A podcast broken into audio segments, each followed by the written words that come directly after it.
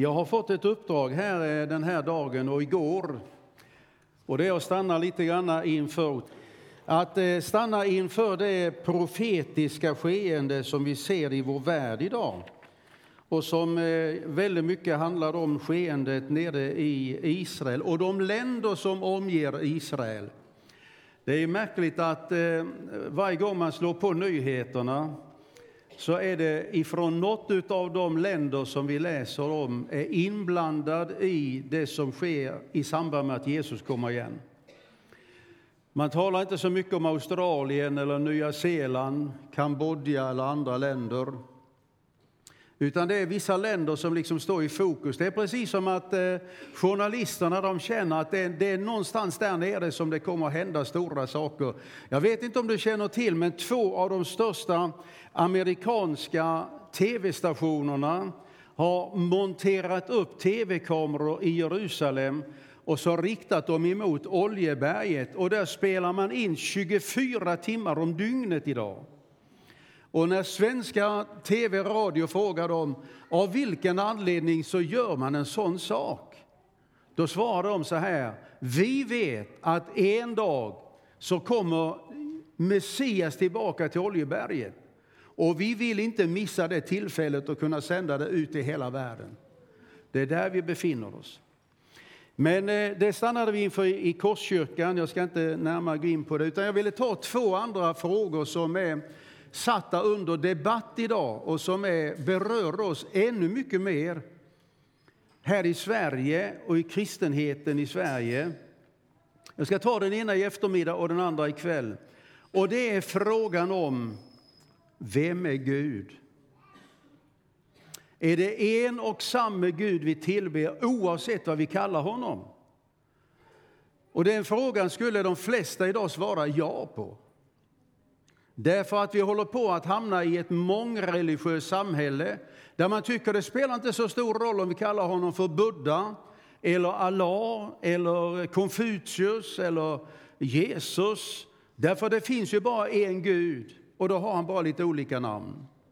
Och det här har man tagit så allvarligt så att eh, om ni följer med i debatten eller nyheterna, vilket jag förstår att ni gör, så, så har man alltså nu interreligiösa gudstjänster i Sverige. Och man berömmer sig av det här att muslimer, och kristna och buddister kan fira gudstjänst tillsammans. Och när man ber så ber man till sina olika gudar. En av kyrkorna i Stockholm är färdiga med att plocka ner de religiösa symbolerna, framförallt korset, och istället rikta en stjärna i golvet som riktar sig mot Mecka så att också muslimerna ska känna sig hemma. Och då kan man säga så här, en pingkyrka, det här är väl inga problem i en pingkyrka. Det är faktiskt att det håller på att bli det med.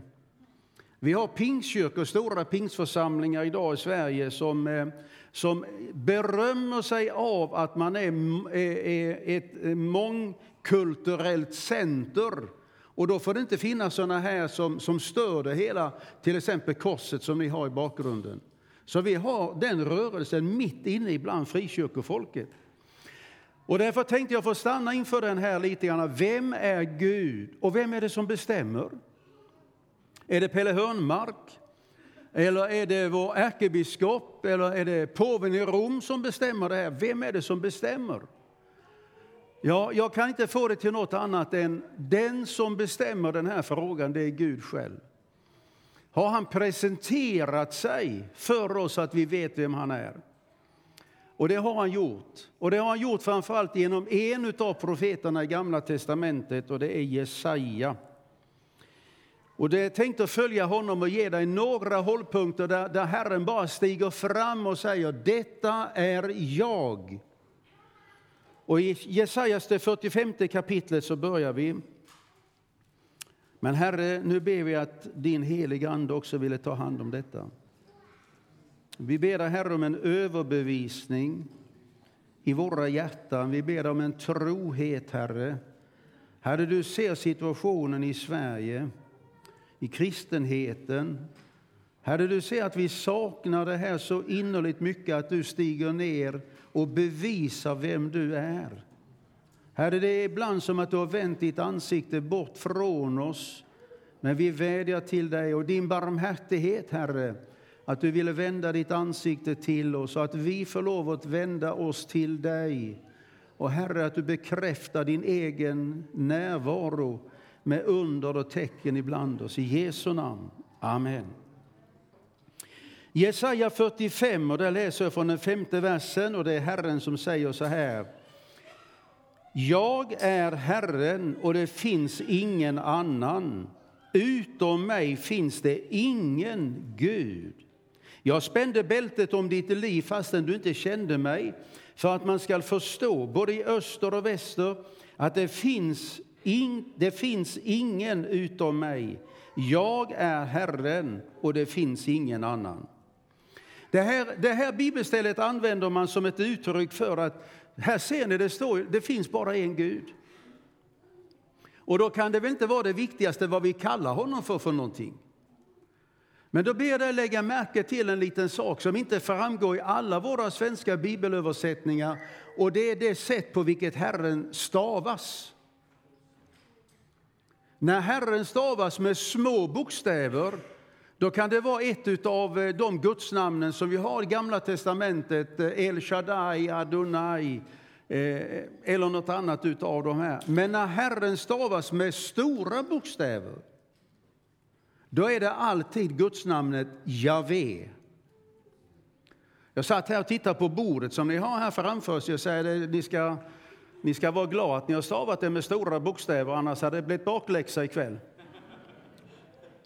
Det här framgår inte i alla våra svenska bibelöversättningar utan, utan eh, ju mer sekularisering har gripit om sig så, så kör man samma Herre med små bokstäver.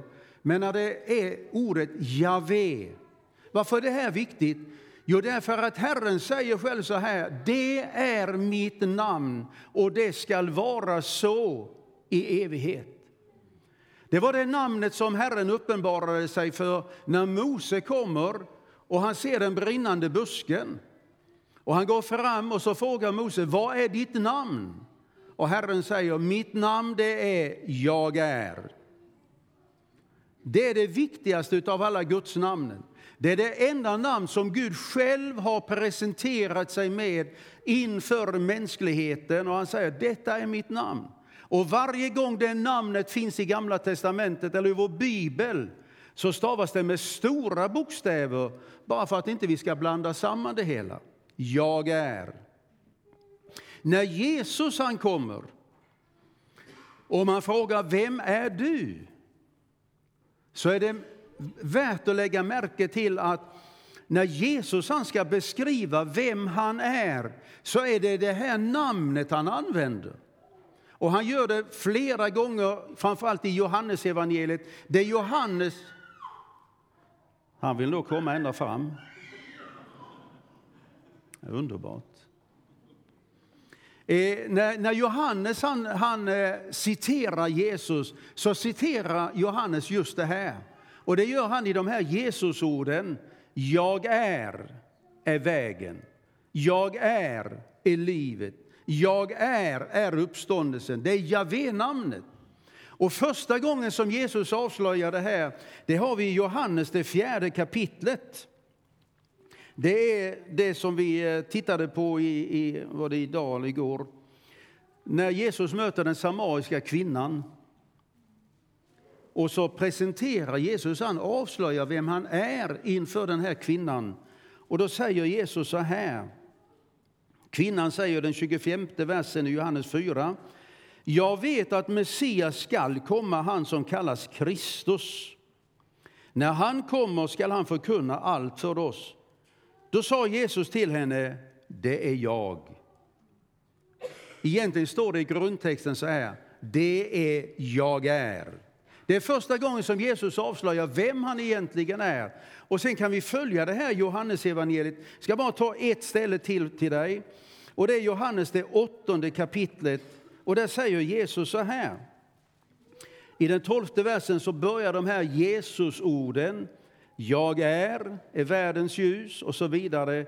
Och så när vi kommer fram till den 24 versen står det Jesus säger Därför sa jag till er att ni kommer att dö i edra synder. Ty om ni inte tror att jag är, då ska ni dö i edra synder. Vilken meningsbyggnad. Jag menar, skulle man skriva så i svenskan skulle det bli en stor röd bock i kanten. Det är ju ingen svensk mening ens en gång. Om ni inte tror att jag är, då ska ni dö. Men, men eh, i den bibel som jag använder, folkbibeln, så har man liksom lyft fram det här. Det är inte bara vanliga ord som är här, utan det är när Herren säger om du inte tror att jag är, är jag är. Om du sätter din förhoppning till något annat, då är du ute på en villoväg.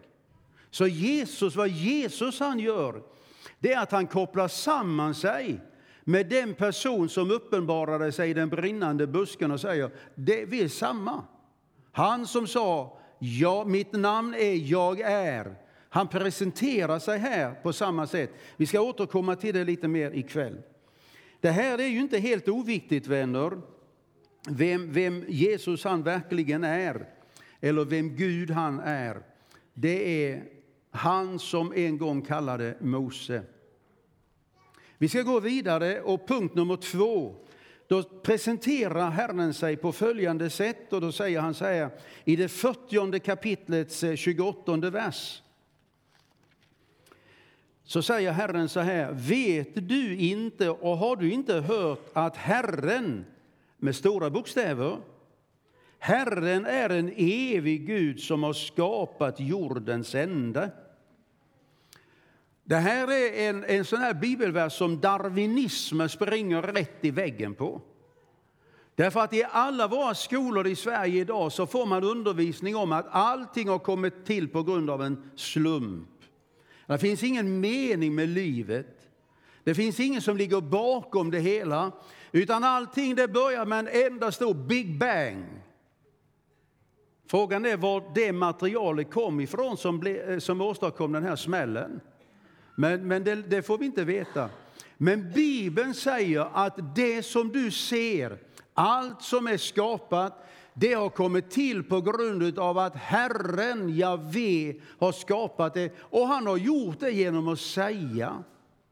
Han sa och det vart. Och han har inte bara skapat och sen dragit sig tillbaka i något sorts eh, evigt tusenårsrike, utan han uppehåller hela sin skapelse med kraften av sitt eget ord. Jag tycker det här är fantastiskt. När du går ut och tittar på stjärnhimlen så är Karlavagnen ser likadan ut idag som den såg ut på 1800-talet. Alltså de ändras inte trots dessa enorma rymder och dessa enorma hastigheter för att allting liksom ska hållas i ordning ute i universum. Och Bibeln säger allt det här sker därför att Herren skapade det med sitt eget ord och han uppehåller det med sitt eget ord. Så att Orion kommer att se likadant ut imorgon och nästa år och så vidare. Herren är den som har skapat det. Det tredje som vi lär om Herren, och då ska vi gå till, eh, till eh, eh Jesaja 41 det också. Där säger Herren så här, tionde versen. Frukta inte, ty jag är med dig. Se dig inte ängsligt om, ty jag är din Gud. Jag styrker dig, jag hjälper dig, jag uppehåller dig med min rättfärdighets högra hand. Ja, men tycker du det var väl inget märkvärdigt? Det är självklart är det på det sättet. Men det här är inte helt självklart, vänner. Jag vet inte hur många av er som har varit i Thailand. Jag var där några år och hade bibelveckor. Och första gången jag kom till Thailand, till Bangkok, eller till vilken stad som helst, så var jag, jag var så imponerad av vänligheten i Thailand. Vad fantastiska människor. Och så tyckte det var så fantastiskt för att när man gick på gatorna där så stod det dukade bord med mat och dryck på ett ljus som var tänt och en liten blomma. Jag tänkte det är ju alldeles otroligt vad vänliga de är här i Thailand. Inte förrän det att jag frågade vad betyder det där? Varför står det dukade bord med mat och dryck i vart och vartannat gathörn? Och på vartenda hotell så är det dukade bord och ingen äter och ingen dricker det. Och så frågar jag dem och så säger de så här. Det är till för en enda orsaks skull och det är för att inte demonerna ska anfalla oss på natten. Och jag tänkte, men vad då? Och då har de ju i sin gudsbild det här att det finns en demonisk värld, en mörkrets värld. Och då måste man se till att vara på god stånd med. Och enda möjligheten är att duka de här borden och ställa fram mat och dryck och en liten blomma så att jag själv kan sova. Men du vet, vår Gud han säger, frukta inte. Du behöver inte vara rädd. Du behöver inte fly undan Gud. Gud kommer inte med demoniska makter, utan han säger istället så här, jag är din Gud. Som Sam sa så, så var jag präst, det är jag fortfarande. Och eh, är man det så har man läst lite grann teologi och en av dem som har betytt mycket det är Luther. Han har sådana små sentenser och i en av dem så frågar han Vad är din Gud? Och så svarar Luther så här. Din Gud, det är den som du tar din tillflykt i all nöd till och från vilket du väntar dig allt gott. Det är din Gud. Det var väl inte så dumt för att komma från ett Luthers håll? Va? Vad är din Gud? Jo, säger Luther, det är den från vilket du väntar dig allt gott. Alla goda gåvor kommer ner ifrån himlaljusens fader, lär vi i vår bibel. Och det är den som jag har min tillflykt till i all nöd. När jag får det svårt, men också när jag har det gott. Och då säger Herren så här, frukta inte, ty jag är med dig. Se dig inte ängsligt om, utan vi får vända oss till Herren. Och så säger Herren, jag är din Gud. Jag hjälper dig, jag styrker dig, jag uppehåller dig, jag välsignar dig. Och därför så var det ibland gudsfolket, det judiska folket i Gamla testamentet, så var det en av de stora hemligheterna, framför allt när man hade kört lite snett. Det var att lära känna vem Gud är. Att lära känna Herren och vem han verkligen är. Vi ska gå fram ett par kapitel till det 44 kapitlet. Där kommer Herren nämligen med nästa presentation. Jag bara läser upp det som Herren presenterar sig själv med. Och där säger han så här i det 44 kapitlet. Följande, sjätte versen. Så säger Herren, med stora bokstäver, Israels konung och hans återlösare, Herren Sebaot. Jag är den förste och den siste och förutom mig finns det ingen Gud. Det här med att ha en återlösare det är ju inte helt vanligt idag. Men i den kultur där det här är sagt så är det sagt till människor som, eh, som brukade jorden. Man kanske sådde höstvetet och så förväntade man sig en skörd, men det blev ingen skörd. Det, det slog fel. Torkan gjorde det kanske, eller ösregnen tog död på det. Och så fick man då låna till nästa utsäde och så tänkte man nästa gång blir det bättre. Men så blev det inte bättre andra gången heller, så fick man låna mer och så fick man låna mer och till sist var man skuldsatt. Och då lär vi i vår historia att det fanns eh, många exempel på människor som var så skuldsatta så att enda chansen till sist det var att man gav sig till den som man stod i skuld till. Det är inte helt ovanligt idag. Inte minst om man kommer uppifrån Norrland. Vi har nästan en hel yrkeskategori som håller på att hamna i samma situation. Jag tänker på våra lantbrukare, kobönderna. De lånar och lånar, det går sämre och sämre, får mindre och mindre för mjölken för vi köper från Tyskland och, och Danmark. Och varken så herre eller vi vet var all mjölken kommer ifrån, den kommer inte från Norrland. Så att eh, det här är ett, håller på att bli ett problem. Eh, men så kommer Herren och så säger han, jag är din återlösare. Och det här var så otroligt sinnrikt i, i, bland det judiska folket så att, att när vi läser Gamla testamentet så säger Herren så här, sex dagar ska du arbeta, sjunde dagen ska du vara ledig. Sex år ska du arbeta, sen ska du vara ledig ett helt år. Och sju gånger sådana arbetsveckor. Det blir 49 år. Då ska du arbeta, men det 50 året det är ett jubelår. Och jubelåret det var en av de mest fantastiska inrättningar som Gud gav till det judiska folket. Därför då säger Herren så här, när jubelåret inträder, då rivs alla skuldväxlar, alla räkningar rivs sönder, människorna sätts fri. Har de behövt sälja sitt arvegods, sitt hemman, sin skog eller sådär, då får man tillbaka det på jubelårets inträdesdag. Och alla fängelser i hela landet öppnas och alla fångar blir fria. Det är jubelåret. Och I år så firas den dagen den 13 september. Då var det jubelåret i Israel. Och Netanyahu han, han gjorde en sån där symbolisk handling så att han gick till de 20 000 fattigaste människorna, de som var mest skuldsatta därför att det hade gått fel eh, på olika sätt. Och så tog han de här 20 000 judarna och så rev han sönder alla räkningar och satte dem fri. Du vet, det, det, det skulle man tala om för Magdalena. Vet du. Det här är möjlighet att rädda Sverige. Jubelåret, det var 13 september i år. Och eh, det, det, finns bara inbakat. Herren säger, du var inte orolig, var inte orolig. Du ska jobba sex dagar, sjunde dagen ska du vara ledig. Du ska jobba sex år, men det sjätte året ska jag välsigna så det räcker också det sjunde året och det räcker till utsäde det åttonde året. Och sen på det femtionde året, då börjar vi från noll.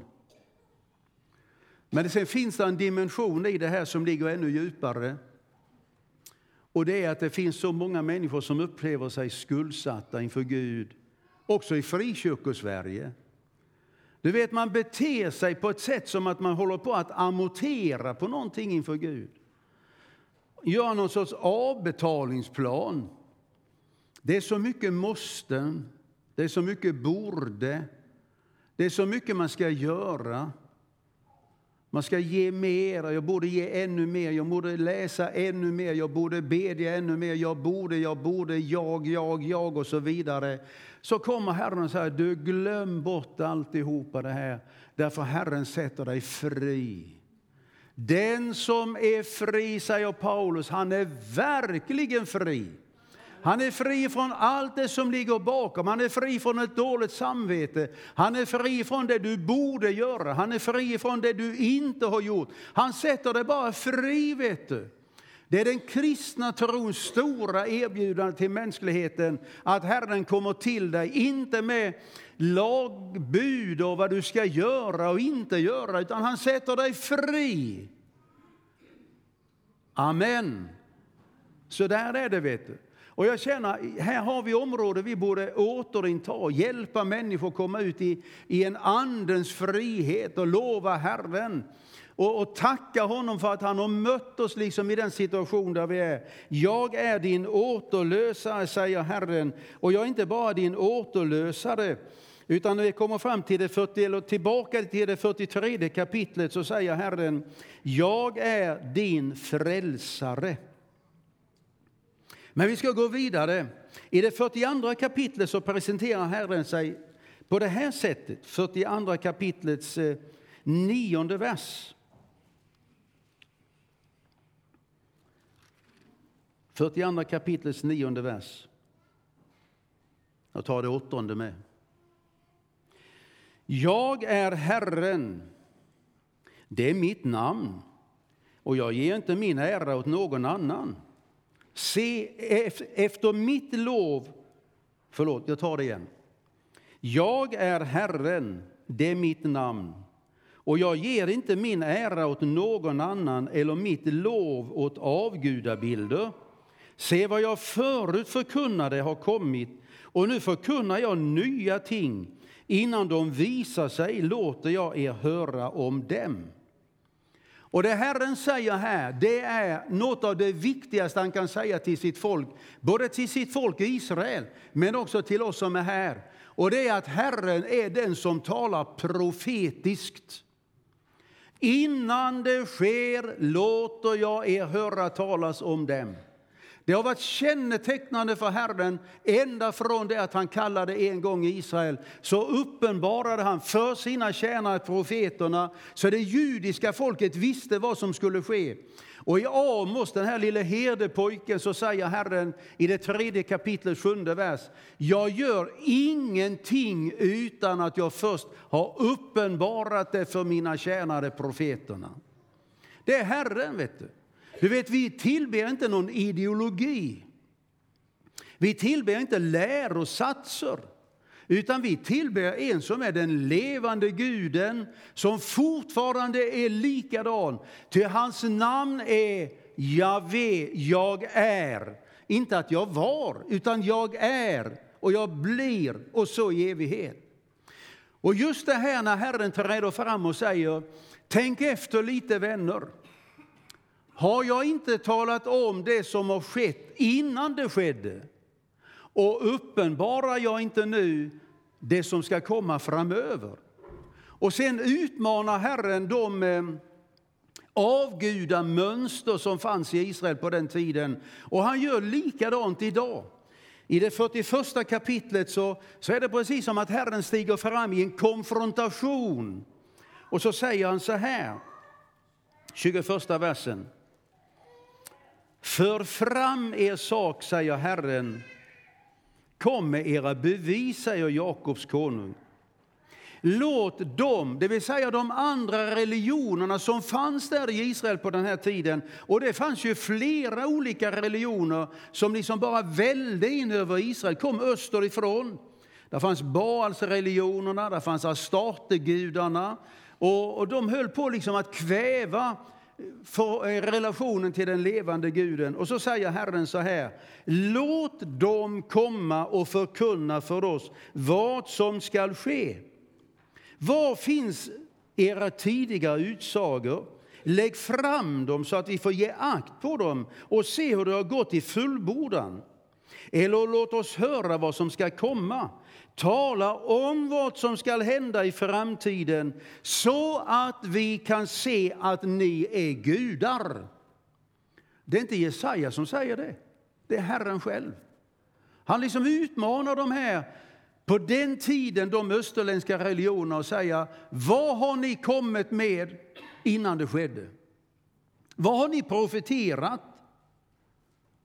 Och nu vad har ni att säga om framtiden, om nästa år och nästa år igen? Men jag, Herren, jag talar om saker och ting innan det sker. Och jag har gjort det tidigare. Ni kan läsa och ni kan se vad jag tidigare har sagt och nu har det skett. Och nu kommer det nya ting och jag talar om det för er innan det sker. Det är det äkthetsbevis på vem Herren är. Handen på hjärtat, har Allah någon gång kommit med en profetia? Eller har Buddha någon gång kommit med någonting? Eller Konfucius, eller vad vi än kallar dem. Jag säger bara, Herren, himmelens Gud säger, tala om det här pojkar. Har det någon gång framträtt en profetia så att vi kan kontrollera den och se om det var en Gud som talade? Eller är det någonting annat? Och det här är en av orsakerna till att när Paulus, som naturligtvis kunde sin teologi och sin bibel, när han blir frälst och Gud använder honom och han ska tala till den kristna församlingen så lägger han liksom tyngdpunkten just här. När vi kommer till första Korinthierbrevets 14 kapitlet så säger, här, så säger Paulus så här. Sträva efter kärleken men sök också de andliga gåvorna Framför allt, vilken?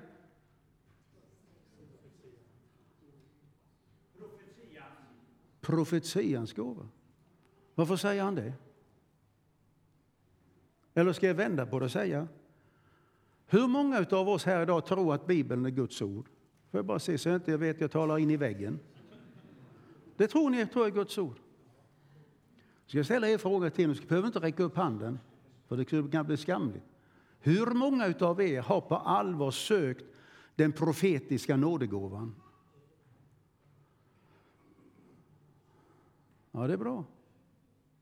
Ja, du behöver inte räcka upp en hand. Men du vet, om vi tror att Bibeln är Guds ord så måste vi ta det här på allvar. Inte sant? Och det är, som Sam sa, jag, jag, mina sista år innan jag blev pensionär så var jag föreståndare i pingstförsamlingen hemma i Örnsköldsvik. Så jag kastar liksom, om kastar jag sten så kastar jag det i glashus. Men jag är, jag är djupt bekymrad över den tendens som finns i frikyrkovärlden idag. Där man lägger en blöt matta över allt som är det profetiska. Och man säger det, det, det är inte lämpligt längre att människor ställer sig upp och säger så säger Herren. Jag säger bara det är dödsstöten åt alltihopa. Därför att här lägger Herren ner hela tyngdpunkten och så säger han jag har tidigare talat om vad som kan ske. Ni kan, ni kan studera det. Och nu kommer det nya ting. Innan det sker så låter jag er veta om det. Det är det profetiska. Vilken av era gudar kan göra något sådant? Och så tar Paulus upp det och så säger han sträva framför allt efter profetians nådegåva. Jag tror att Guds ord är sant. Jag tror att Herren talar med allvar på det här. När vi kom tillbaka till Örnsköldsvik och då som eh, församlingsföreståndare i Pingstkyrkan så de första som vi hade besök av uppe i Örnsköldsvik det var min frus gamla eh, chefskollegor nere på, i sjuk, eh, sjukvården i Älvsborg. Heter det. det var två stycken väninnor till henne som var, eh, som var eh, övertygade ateister och gudsförnekare. Jag tyckte det var lite roligt att just de kom till pingstföreståndarens hem och bodde ibland oss flera dagar. Så att eh, de var väldigt medvetna om att vi tror ju inte ett smack på det som du står för. Vi tror inte på Jesus, vi tror inte på Gud, vi tror inte på någonting så här. Men, men eh, min fru och de var goda vänner, det är två härliga damer, så att eh, damer de är alltid härliga, så det, det är ingen fara med det. Men i varje fall så lackade det mot söndagen. Och då säger min fru så här när vi satt och åt frukost att eh, på söndag är det gudstjänst i Pingstkyrkan och då är ni välkomna med. Då börjar reaktionerna komma. Då säger den ena av dem så här. Jag har inte varit i en kyrka sedan jag konfirmerades 13 år gammal och jag kommer aldrig gå dit mer. Och den andra säger, vad tror du att min man skulle säga hemma i Göteborg om jag gick på en gudstjänst och i en pingstkyrka? Så vi hade en litet samtal där och försökte lirka, men du vet, det är ju så här med damer, har de bestämt sig, så har de bestämt sig. Då säger plötsligt min fru så här en frukostdag på lördagen, då säger hon bara så här. Härmed inbjuder jag er till Pingstkyrkan på gudstjänst klockan 11 på söndag. Då tittade den ena på den andra och så sa hon, nu blev det problematiskt. Jag tänkte, vad då? Jo, vi är inbjudna personligen. Vad gör vi nu? Och jag tänkte, nu får de ta den där konversationen där, vet du. Det slutar med att de säger så här till mig, okej, okay, vi är inbjudna, vi är personligt inbjudna, så att eh, vi kommer, men vi kommer bara vara tio minuter och sen går vi. Och jag hade försökt med ett fantastiskt lockbete. Så jag sa, det är så här att jag ska predika. Det var, det var inget bra agn. Men i varje fall så sa jag det skulle vara väldigt intressant att vid middagen efteråt, att ni som inte tror på Gud och inte tror på Jesus eller någonting utav det här, att vi kunde samtala om det som jag försöker predika. Att jag fick liksom inte bara höra det från goda pingstvänner, utan ifrån er. Men det gick inte hem. Jag sa vi går ner tio minuter. Ja, så det är helt okej. Okay. Så de kom, vet du, kyrkan var fullknökad i folk. Och de satt på sista bänken, det var precis som de hade tryckt dem in i väggen, vet du, där satt de. Och så började första sången och de eh, var med på första sången och så sjöng en kör och de satt kvar. Och så småningom så började jag predika och de sitter kvar. Och när jag hade predikat så, så sa jag så här, jag hade fått en hälsning av Herren, så jag sa att det finns någon här som skulle, jag skulle önska att du tog upp din mantel och kom i funktion i din nådegåva att bära fram en profetisk hälsning. Och då är det en gammal dam på 80 år som reser sig och bär fram en helt underbar hälsning från Gud. Hon har inte profeterat på årtionde, Men idag så är hon en profetissa ibland oss. Det var helt underbart. Och så är det en annan som, som eh, tolkar den. Och du vet när hon hade börjat att profetera så kom det en hälsning till och så kom det en hälsning till. Och, och sen sa, när det var slut så sa jag att eh, nu är det så här att är det någonstans det kan ske under så är det här. För här är Jesus. Så att då bjöd jag fram förebedjarna och så kallade vi fram dem som ville ha förbön och bli smorda i olja och vi bad till Gud för dem. Och, och jag tänkte inte mer på det. Men vet du att de två sista som lämnade kyrkolokalen, det var de här ateisterna. Så kom vi då hem och vi skulle äta middag. Och de var ganska förtegna, men jag kunde inte låta bli utan jag var ju, tänkte att det skulle vara roligt att höra vad de tyckte om predikan. Det har de inget minne av att jag hade någon predikan, så det var inte mycket att hämta. Men, men jag sa, ni satt kvar. Och så säger den ena damen så här. Ja, sa hon, de där sångerna ni sjöng, det begrep vi oss inte på någonting. Och det kören sjöng, alltså vi brukar gå på Operan i Göteborg, och det är något annat. Visst är det det, när strängmusiken spelar i Pingstkyrkan så är det inte operasånger. Men så säger de så här, när du slutade, då blev det verkligen intressant. Jaha, sa jag, vadå? Jo, men du vet, det reste sig en gammal dam mitt i lokalen och hon talade ett fullständigt främmande språk. Vad var det för någonting? Ja, så det kallas för en profetia. Och sen var det någon annan som talade på svenska. Vad var det för någonting? Jo, han tolkade den här damen sa. För det är så här Gud han eh, uppenbarar sig själv. Jag sa damerna, du vet när det satte igång, då kunde vi inte gå. Då kände vi, vi måste vara kvar och lyssna på det där. Och sen bjöd ni fram till förbön, ni hade en oljeflaska. Vad, vad håller ni på med då när ni, ni smörjer i olja? Så fick jag förklara det här. Men det grep mitt hjärta, vet du, att det den unisona sången inte lyckades att förmedla, det kören med sina goda sånger inte lyckades att förmedla, det jag som förkunnare inte lyckades att nå fram med, det gör Gud genom en gammal 80-årig kvinna som reser sig upp Därför Herren hade gett henne denna nådegåva. Och det går rätt in i dessa båda damer och de talar fortfarande om det.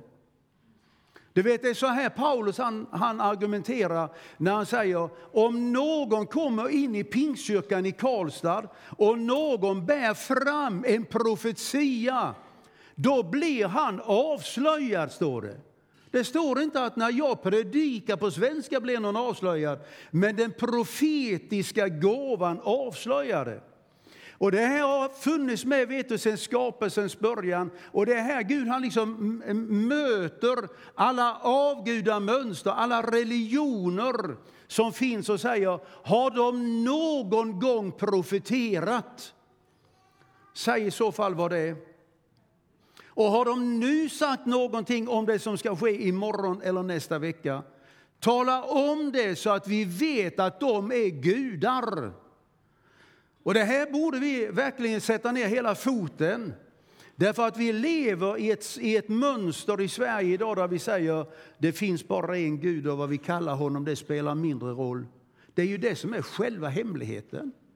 Vår Gud har uppenbarat sig och säger mitt namn är Herren Javé.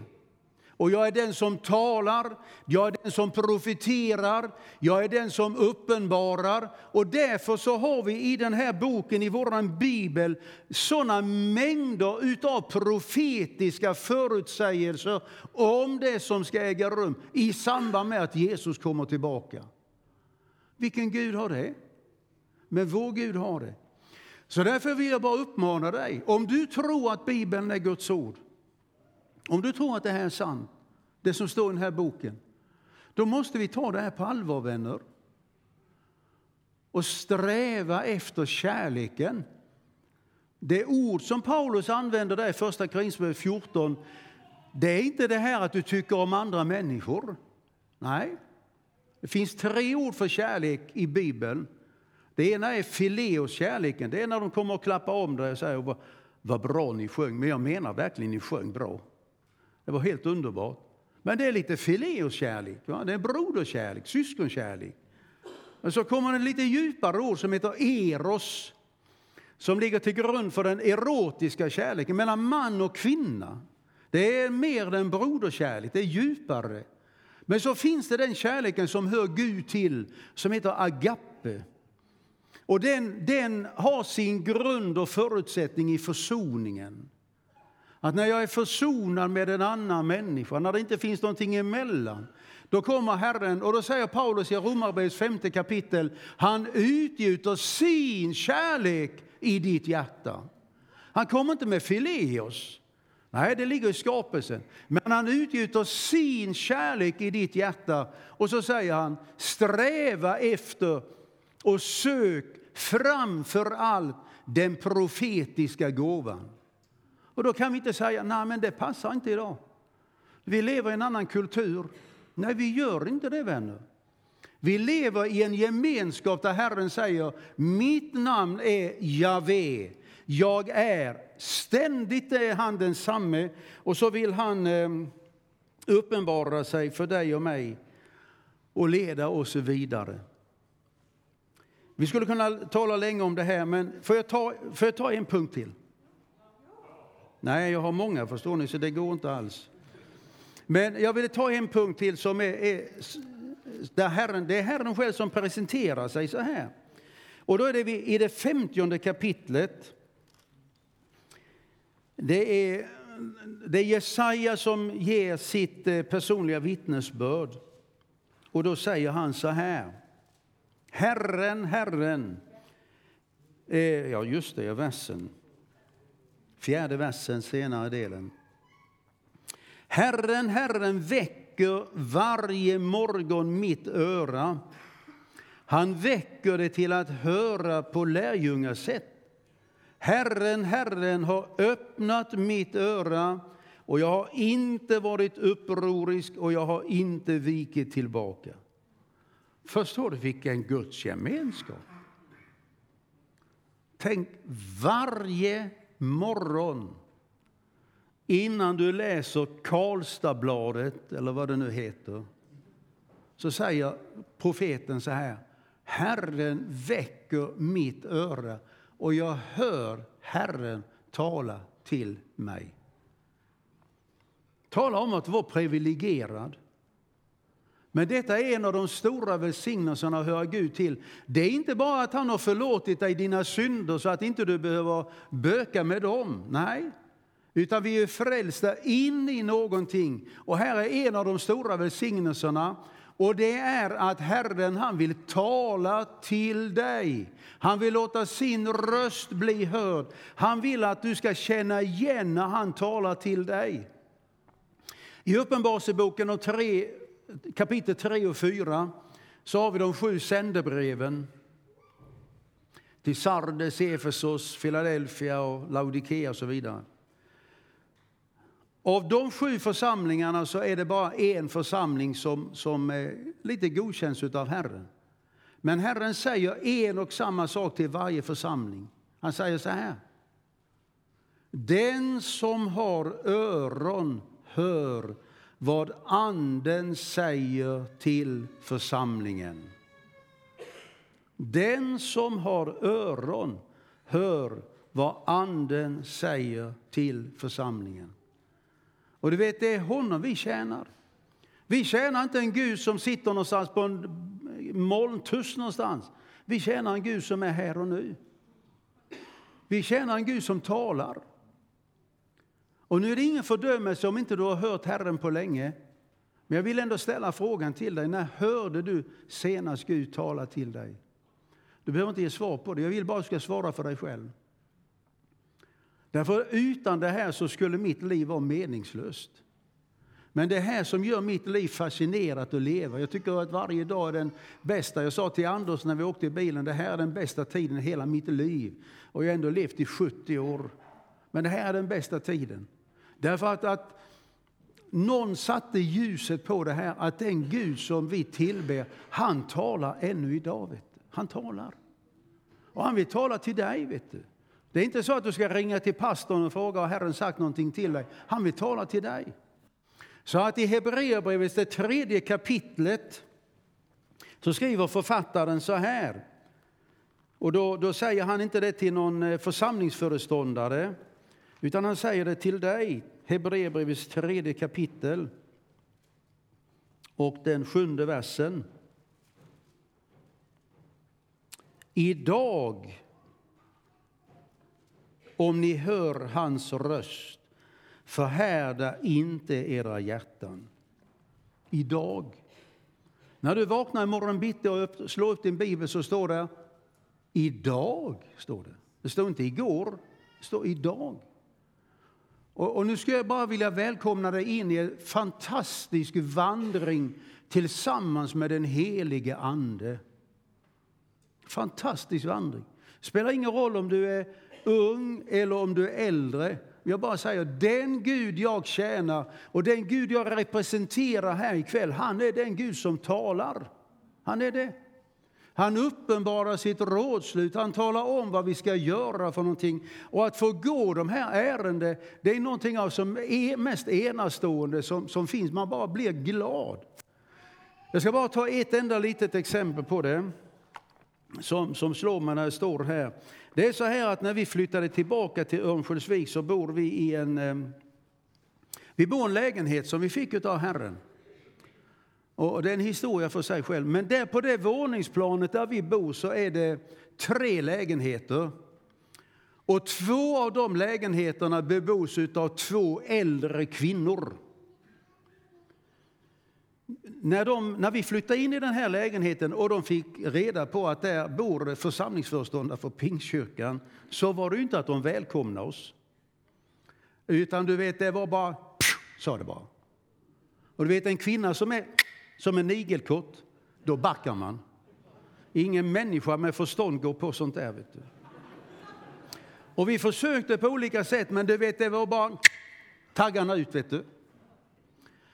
Men vi har vår morgonbön varje morgon, min fru och jag. Vi läser Guds ord och vi böjer våra knä och vi ber till Gud. Och så en dag talar Herren till min fru och säger, du ska gå ner och köpa en riktigt fin blomma så ska du ge den till en av damerna som bor där uppe. Och min fru säger det kan inte vara från Herren för hon är ju så fruktansvärt emot att vi bor här. Men, men vi, gjorde, vi tänkte det måste vara Herren. Så hon går ner och köper en fin blomma, kommer upp, knackar på dörren och när den här damen öppnar så, så här. Men så såg hon att stå med en fin blomma.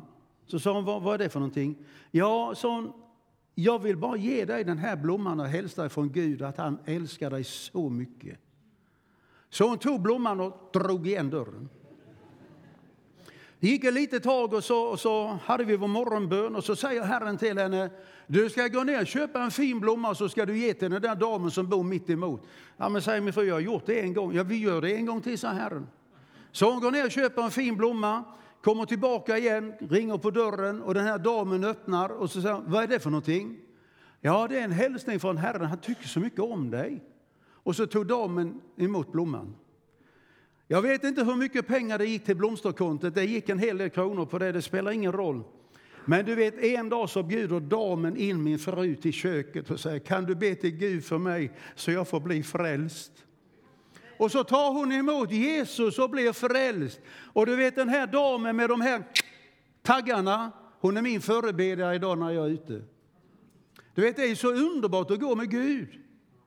Och gång efter gång så kommer Herren bara med små ärenden och, och, så säger han, vill du vara med? Ja, jag vill vara med, säger Herren. Och du vet när jag inte får höra Herren tala vet du, så blir jag alldeles i upplösning. Så, Herre vad har jag gjort? Har jag syndat emot dig? Det har gått flera dagar, kanske inte har hört Herren tala. Och så kommer Herren och så säger han och så gör vi.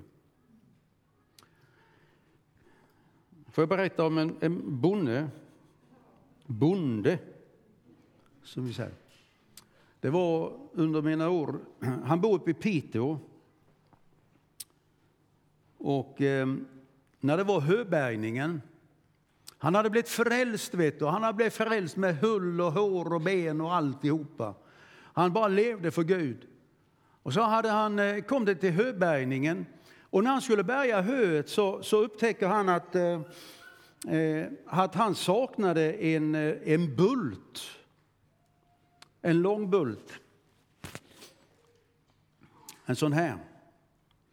Så han tänkte jag måste åka in till järnaffären och, och köpa den här bulten så jag kan bärga höet. Så han går in och han ska byta om och när han går in och byter om så säger han till Herren så här. Jo Herre, jag ska åka in till stan så om du ändå har ett ärende på mig, till mig när jag ändå är inne i stan så kan jag ta det samtidigt. Det är bönder vet du. Så han klär om och han sätter sig på bussen och så åker han in. Och när han är halvvägs in i stan så säger Herren till honom, om två stationer, om två busskurer, då kan du stiga av, för den, i den busskuren så står det en man och han är mogen för mitt rike. Så du vet, den här bonden han tittar ju. Första kuren stod ingen, men så ser han ju nästa kur. Och där ser han, där står det en fin man i kostym och läderväska. Och han tänkte, ja, jag måste ju bara lyda ju. Så när bussen stannar vid den kuren så stiger den här bonden av vet du, med nävar som var i varje fall dubbla mina. Vet du. Och så går han till den här mannen som var helt, helt främmande för honom och så säger han, jaha, sa han, hur står det till idag?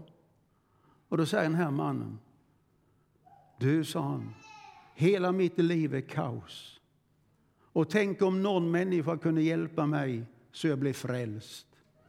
Och där i busskuren så tar den här mannen emot Jesus och blir frälst. Och sen säger Herren till bonden, nu kan du fara köpa bulten där du ändå är inne i stan, sa Du vet, tänk att gå med Gud så här, vet du. Det, det är ju honom vi älskar, det, det är ju detta vi älskar i våra liv. Att inte vi anställer bort det här och säger vi behöver någon, vi behöver någon i församlingen som kan tala Herrens ord. Nej, Herren säger jag har lagt ner det här i församlingen. Det ligger där alltihopa. Det bara ligger där, vet du. Herren säger sträva efter kärleken. Se till att du lever i ett försonat förhållande med andra. Och sök det andliga nådegåvan. Framför allt, säger Herren, profetians nådegåva. Och det innebär inte att du ska stå i församlingen varenda söndag och profetera. Utan profetians nådegåva är ju så otroligt, den täcker hela veckan. Alla dagarna täcker den. Så att du får gå till rätt person, i rätt ögonblick, med rätt budskap. Och Herren bara får lov att använda dig. Jag bara säger Gud välsigne er. Vi har en stor Gud, vänner. Vi har en Gud som har all makt i himmel och på jorden. Vi har den levande guden. Vi har en Gud som har sänt sin son till försoning för våra synder. Vi har en Gud som säger, var frukta inte, var inte rädd, kom till mig, säger Herren. Vi har en Gud som säger, jag vill dela ut mina nådegåvor så att du är med i det som sker i vårt samhälle och i vår värld idag. Amen. Herre, vi bara tackar och lovar dig. Vi ber dig, Herre, att du är med oss. Vi ber om din välsignelse över oss i våra liv. Vi ber om förlåtelse, Herre, om vi har gjort någonting som gör att vi inte uppfattar rösten, Herre. Men vi ber dig verkligen om, Herre, kom med en förnyelse bland ditt folk i Sverige. Låt Herre människor känna Herre att det finns en levande Gud, en Gud som talar, en Gud som uppenbarar. Om detta ber vi dig i Jesu Kristi namn.